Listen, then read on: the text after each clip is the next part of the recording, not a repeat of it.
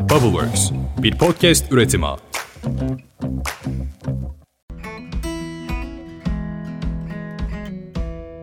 Herkese selam. Ditopik Düşüncelere hoş geldiniz. Ben Dilara. Geçtiğimiz günlerde sanat dünyası bir sabah uyandı ve Louis Vuitton'un New York 5. caddede açılan yeni mağazasında yaşayan en önemli avantgard sanatçı olan Yayoi Kusama'yı vitrine noktalar çizer halde gördü. Sonra fark ettiler ki olay bundan çok farklıydı. Vitrindeki Yayoi Kusama'nın kendisi değil robotuydu. Evet, robot resmen Kusama'nın gerçek boyutlarıydı ve vitrinin camına noktalar noktalar çiziyor ya da işte boyuyor gibi görünüyordu. Peki ama neden? Neden Yaoi Kusama'nın robotu 5. caddedeki vitrinin camına tıpkı gerçek bir insan gibi noktalar çiziyordu?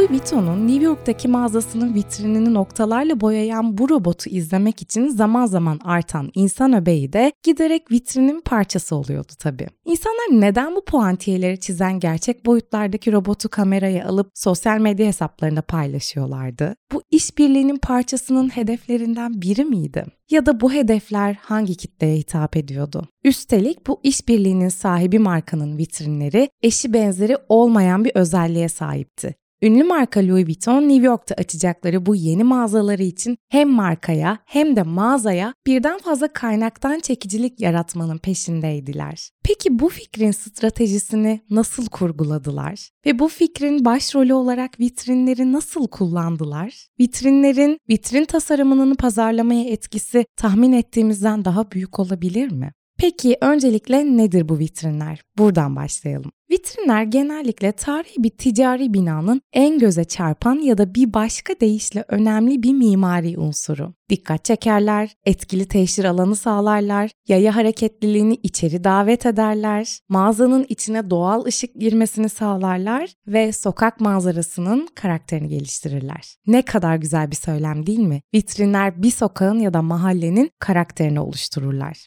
Bunu aslında mimar olanlar varsa aramızda dinleyenler arasında çok iyi anlamıştır. Çünkü bir mahallenin, bir sokağın, yaşam olan bir bölgenin karakterini ve silüetini aslında oradaki her bir unsurdan çıkarıyoruz. Biz mimarlar ya da şehir planlamacıları olarak. Bu yüzden bu söz aslında tahmin ettiğinizden daha önemli bir söylem. Vitrinler bir sokağın ya da mahallenin karakterini oluştururlar. Peki bu sokağının, mahallesinin karakterinden markanın satışlarına kadar etkiler yaratan vitrinler hangi temel taşlardan oluşuyordu? Şöyle kabaca sıralayacak olursak tabii ki önce pencereler ve bölmeler. Belki mağazasının imzası diyebileceğimiz tabelalar, kapı ve giriş diyebiliriz ve son olarak da aydınlatmalar diyebiliriz. Tarihsel olarak en önceye gitmeye çalışırsak, ticari bir binanın ana cephesinin ilk katını oluşturuyor vitrinler ve binanın üst katlarından tasarım ve mimar detaylarla görsel olarak ayrılıyorlar elbette.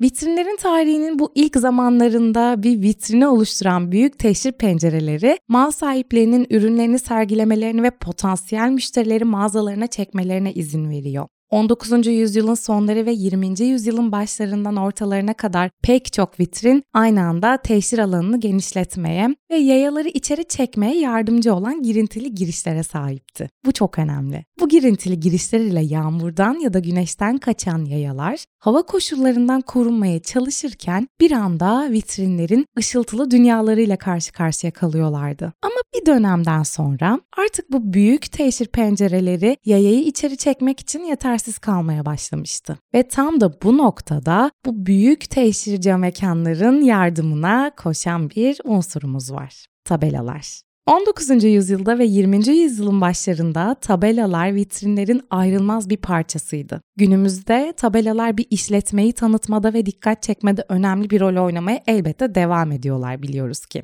ve genellikle olduğu sokağın ya da bölgenin karakterine de çok büyük katkıda bulunuyor bu tabelalar. Hatta siz de hayal edebilmişsinizdir bu söylediklerimden sonra. Çok güzel tabelaları olan bir sokak, müthiş bir sokağa dönüşebilecekken büyük bir görüntü kirliliğine yol açacak tabela çoğunlukları da aslında gözümüzü tırmalayan bir sokak haline geliyor. Aslında bu güzel sokağı, büyülü sokakları yaratmak çok küçük noktalara dayanabiliyor ve bunları da iyi hale getirmek elimizde oluyor. Önceden küçük ve şirin tabelalar vitrinlerin ana elemanı olarak dikkatleri çekerken, gelişen ve değişen dünya ile birlikte tabela boyutları da kullanılan malzemeler de değişti. Mağaza, insan ve hatta yapı gibi unsurların popülasyonunun artmasıyla da tabela boyutları büyüdü. Hatta böyle kocaman olmaya başladı ve odağı kendilerine çekmek için aydınlatma elemanları eklendi tabelalara. Yani tabii ki de ledlerden bahsediyorum. Çünkü artık sokaklarda, dışarıda, sosyal medyada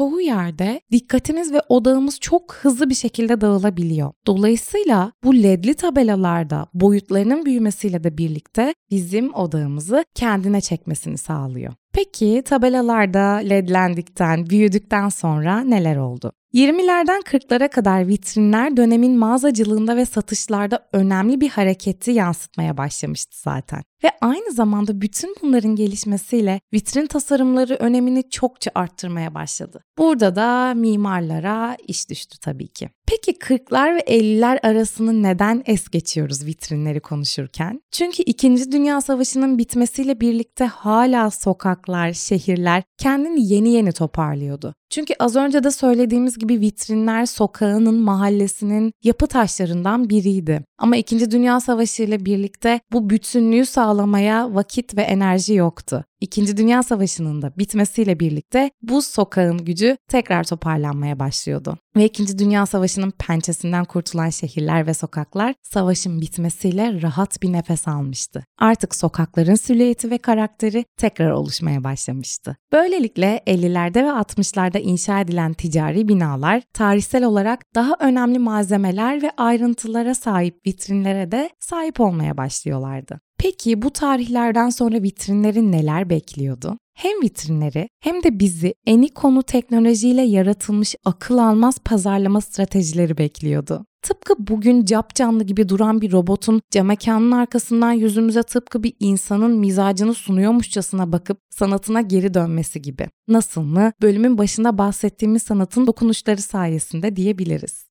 Ama önce vitrinlerin büyüsüne geri dönelim. Nasıl oluyordu da bu büyük teşhir cam mekanlarının arkasında bizleri sihriyle büyüleyen vitrinler mekanik bir pazarlama stratejisine dönüşüyordu? Son zamanlarda online alışverişle birlikte vitrin mi kaldı Dilara diyebilirsiniz. Fakat teknolojinin gelişmesiyle, kurye sisteminin çok iyi işlemesiyle, Online alışverişlerde işlerimizin inanılmaz derecede kolaylaşmasıyla vitrinler için daha stratejik tasarımlar ve ilgi çekici durumlar oluşmaya başladı. Bunu takip etmek de sosyal medyada paylaşmak da oldukça keyifli bir hale geldi. Şahsen ben izlemekten çok keyif alıyorum. Yani vitrin ondan nasıl yararlanacağını anlayan parakendeciler için etkili bir pazarlama varlığı aslında. Herkesin çok iyi bildiği e-ticaret mağazası Amazon bile tüm e-ticaret başarısına rağmen rağmen müşterilerle ilişkisini güçlendirmek ve yüz yüze satın alma fırsatlarından yararlanılması için bir mağaza açtı. Peki nedir bu vitrinlerin pazarlama büyüsü? Ya da daha ilgi çekici bir soru soralım. Bu strateji nasıl olmalıdır? Şimdi diyelim ki küçük bir işletme sahibisiniz. Bir mağaza açmak için para biriktirdiniz, borçlandınız ya da işte çok çalıştınız. Müşteri bulma konusunda gerginsiniz. Çok normal. İşe bir gerçeklik kontrolü yapmakla başlayalım mı? Başkalarının ne yaptığını görmek için dışarı çıkın. Lokasyonunuzdan referans alabilir ya da tam zıttı bir karakterde vitrinde oluşturabilirsiniz. Bulunduğunuz mahalleye veya sokağa doğru bir tasarımda uyum göstermek de, zıtlık yaratmak da stratejik olarak içeriye insan çekecektir. İnsanların buluşup bir araya geleceği bir merkez olmayı hedeflemek ikinci önemli nokta.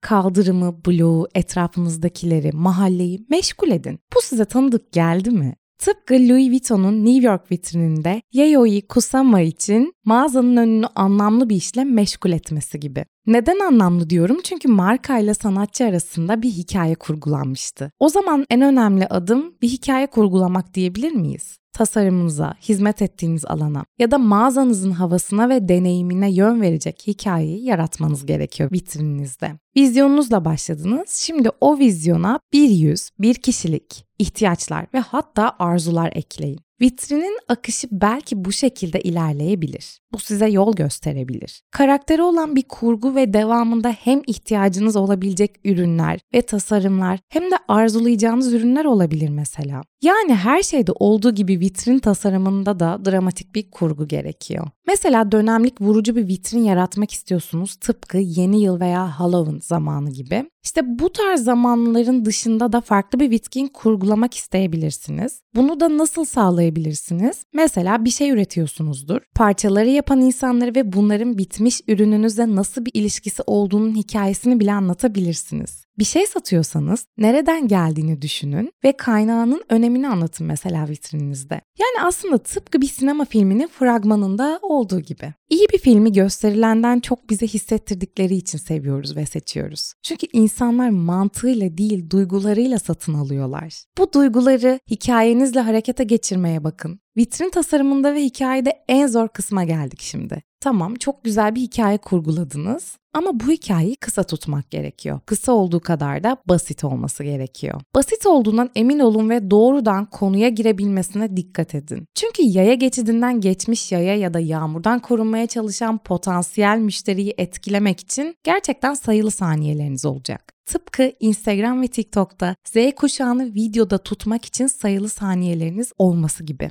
Bunu aslında birebir örnek olarak alabilirsiniz. Instagram'a yaptığınız videoda hazırladığınız vitrin de önünden geçen insanı saniyeler içerisinde kendinde tutuyor. Bir de bugünlerde müşteriler ürün değil deneyim satın alıyorlar. O nedenle de vitrininizde unutulmaz bir deneyimin mesajını verdiğiniz bir kurgu yaratabilirsiniz. Ya da interaktif bir hizmet sunduğunuzun. Eğer bir restoransanız yiyecek satmaya değil insanların sizin yerinizde yemek yediklerine nasıl hissettiklerine odaklanmanız daha doğru olabilir. Giyim satıyorsanız pantolon veya gömleklerle değil onları giyerek ulaşabilecekleri ideal bir yaşam tarzına odaklanabilirsiniz. Amaç insanların markanızda kişisel bir ilişki kurmasını sağlamak burada. Bunu unutmayın. Vizyonunuzu, hikayenizi ve hizmetinizi sunduğunuz deneyimi tümüyle uyumlu hale getirirseniz zaten tasarım doğal olarak akacaktır. Ve hatta şöyle söyleyeyim, hiçbir mimar bu saydıklarımdan uzak bir şekilde vitrin tasarımını yapmayacaktır. Ama burada bir mimar olarak değil, sizin bireysel olarak vitrinize nasıl dokunduğunuzu anlatıyoruz. Yani profesyonel bir elin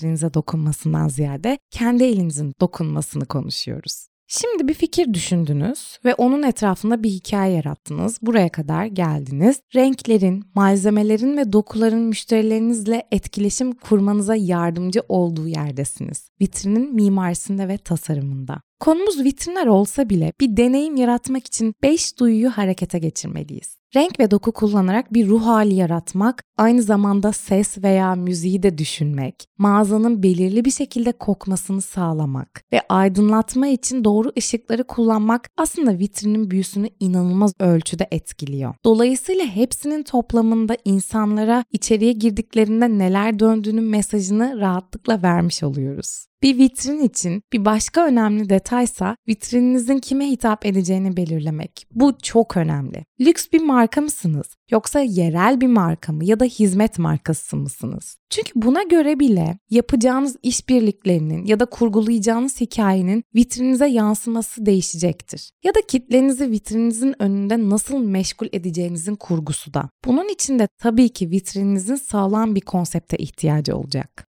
Vitrininizde tasarımınızı hazırlarken vizyonunuza bakın ve kendinize şu soruyu sorun. Bu tasarım benim vizyonumla ve ürünlerimle uyumlu olacak mı? Unutmamanız gereken bir şey var ki o da şu mağazanızın 3 ana bölümü var. Cephesi, girişi ve kaldırım. Bu üçlüyü iyi bir akışta sunarsanız konseptinize de hizmet edecek hale getiriyor oluyorsunuz. Bu üçlüden sizi en çok zorlayacak şeyin kaldırım ya da mağazanın bulunduğu alan olacağını unutmayın. Kaldırımın işletmeniz için ne kadar önemli olduğunu, üzerindeki kontrolünüzün sınırlı olacağını unutmayın. Çünkü bu çok aşikar. Uygun şekilde tasarlanmış bir vitrin insanların yürümeyi bırakmasına neden oluyor ve içeri bakmaları için ilgilerini çekiyor ve onları içeri adım atma kararını motive edecek kadar uzun süre meşgul ediyor. Muhtemelen bu bir mağazanın tasarımının en önemli parçası. Ama ben bir vitrin için en önemli unsur olan ve sizi de en çok zorlayacak şey olan kaldırımlara tekrar dönmek istiyorum. Vitrinin kaldırımlarla nasıl birleştiği ve ön cepheyi insanları durdurmak zorunda hissettikleri yarı kamusal bir alanı nasıl dönüştürdüğünüz çok önemli. Mesela çok basit bir örnek olarak açık havada bir oturma bankı ya da alanı kurgulanabilir. Burası insanların takılacağı ya da meşgul olacağı yer olabilir. Tabii ki kaldırım işgal etmeyecek şekilde.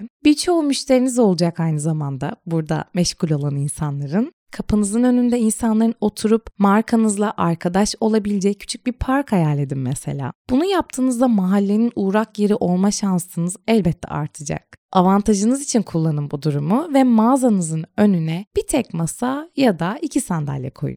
Sağladığınız bu tek masada oturmak bir ayrıcalık haline gelecek. Ya da büyük annenizin mantısını nasıl yaptığınızı gösterdiğiniz veya insanların yanından geçerken etkileşim kurmaları için bitmiş el sanatlarınızı sergilediğiniz dinamik bir vitrin harika örneklerden biri. Kaldırımla tanışmanın iyi bir yolu da insanların normal yürüme hızlarından yavaşlatmak vitrinin cesur olması ve resmen bağırması. Yani bağıran bir vitrin elbette önünden geçen insanı yavaşlatacaktır. İncelik daha fazla bakış kazanacaktır ve eğer yayalar durup içeri bakıyorlarsa tasarım işini zaten kotarmışsınız demektir. Şimdi 5 adımda vitrininizin uyumlu olması gereken unsuru söylüyorum ve konuyu özetliyoruz. Birincisi tabii ki de iç mekan. İç mekan tasarımı ve iç mekan konseptiniz de tabii ki vitrininizle tutarlı olmalı ve işletmenizin bir tasarım dili olduğunu yansıtmalı. İkincisi de mesajınız. 1960'larda ünlü medya analisti Marshall McLuhan medya mesajdır demiş. Bu bir şeyi nasıl sunduğumuzun ve ne sunduğumuzun ne kadar önemli olduğu anlamına geliyor. Bu yüzden vitrinimizin mesajı net olmalı. İşte bu yüzden az önce mesajın, tasarımın basitliğini ve kısalığını konuştuk. Tabii ki bunun için size yardımcı olacak bazı unsurlar var. Bunlardan biri grafikler. Grafikler bu sürecin kritik bir parçası ve grafikler mesajınızı gerçeğe uygun hale getiriyor.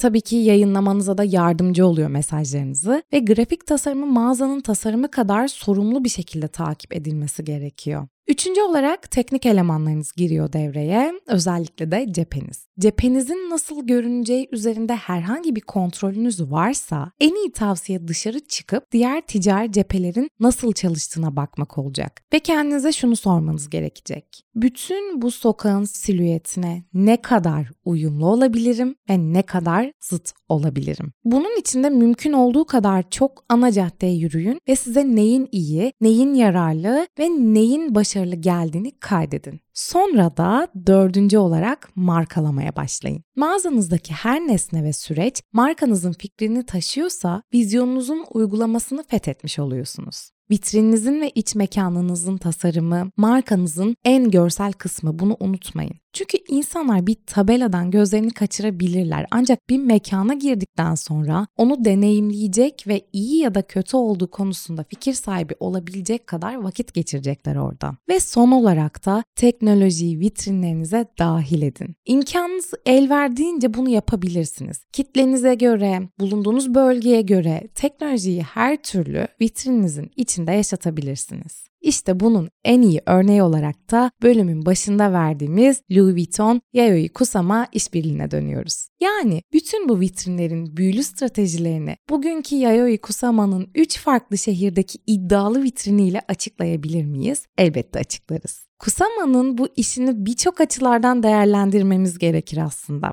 Çünkü sanat ve moda, sanat ve robotlar, sanat ve endüstri ve doğal olarak teknoloji, sanat ve bağımlılık bu tarz ilişkilerin yanı sıra sanatın sınıfsallığı, endüstriyelleşmesi, multidisipliner olması gibi farklı tartışma alanlarının ortaya çıktığını görüyoruz. Ve burada da pazarlama stratejisi ortaya çıkıyor. Peki nedir buradaki pazarlama stratejisi? Sanatın herkesin kolayca erişmesinin mümkün olmadığı bir lüks yaşam biçimini ifade ettiğini, Kusama işine sahip olmakla Louis Vuitton çanta almak arasında tüketicinin marka ile özdeşleşerek ayrıcalıklı hissetmesi gibi basit bir yaklaşıma dayanıyor buradaki strateji. Bu nedenle de Louis Vuitton 3 farklı şehirde 3 farklı şekilde kurguladığı ve tasarladığı vitrinini tüm abartısıyla ve ihtişamıyla insanlara sunuyor. Ve bunu sadece ve sadece vitrin vitrin çalışmasıyla yapıyor. Louis Vuitton vitrinlerinden gördüğümüz bu Yayoi Kusama Louis Vuitton işbirliğinde Paris'teki dev bir Kusama heykeli markanın genel merkezinin olduğu tarihi yapının tepesine bütün haşmetiyle kurulmuş binayı boyuyor. Noktalar çiziyor. Görmüşsünüzdür.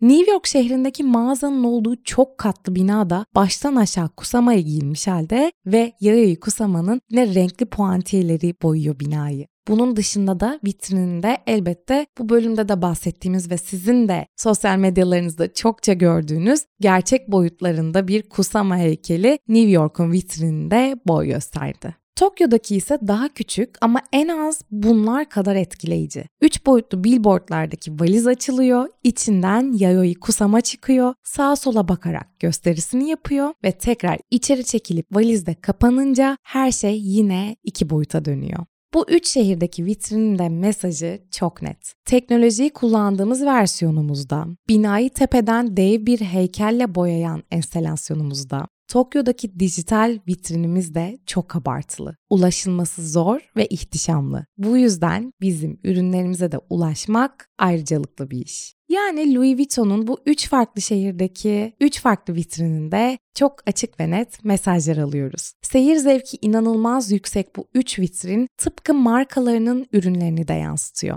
Sahip olma lüksü yüksek, teknolojinin gücü ve etkisi, sanatın modaya katkısı derken anlamlı bir kurgu ve mesaj çıkıyor ortaya. Ayrıca New York'taki Louis Vuitton mağazalarında boy gösteren bu robotun bir başka olayı daha var. Eğer sosyal medyadan takip ettiyseniz, keşfetinize düştüyse bu söylediğim şeyi gözlemlemiş olabilirsiniz. Robotun mizacı ve mimiklerinden bahsediyorum. Bu konuyla ilgili araştırma yaparken haberdeki yazılardan biri dikkatimi çekti ve okuduğumda açıkçası çok etkilendim. Şöyle diyordu yazıda. Kusama'nın robotunun görenlerde tedirginlik yaratan tekinsiz duruşunun Freudian bir açıklaması varmış. Freud'un makalesinden ilham alan Japon robot tasarımcısı Masahiro Mori'nin ortaya attığı Uncanny Valley yani tekinsiz vade adlı teoriye göre insan davranışları sergileyen ve insana hayli benzeyen kopyalar, robotlar, gerçek insanlarda hoş olmayan hisler uyandırarak tedirginlik yaratıyor. Louis Vuitton vitrininde çalışmalarını sürdüren Kusama robotu da bu nedenle hem hayranlık hem de ürperti duyulmasına neden oluyor. Kim bilir belki de bu bile markanın vermek istediği mesajı besliyor.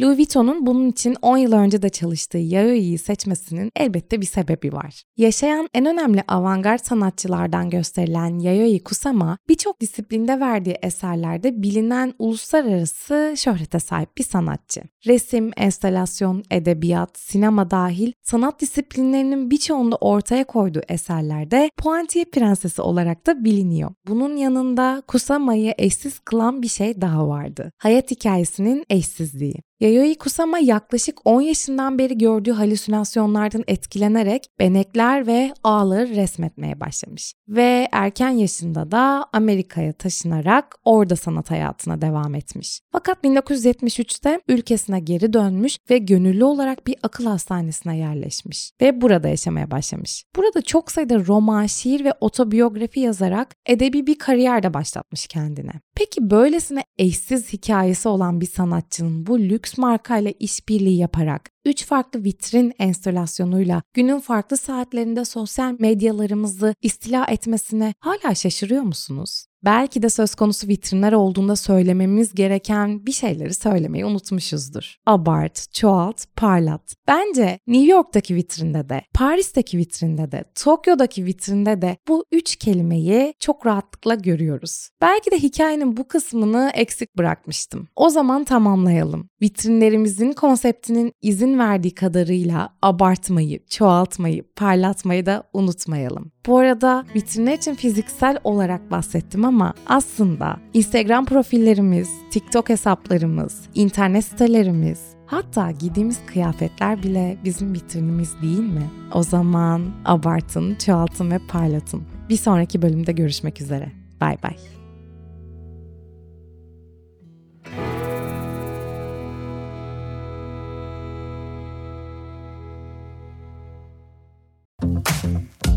Bubbleworks bir podcast üretimi.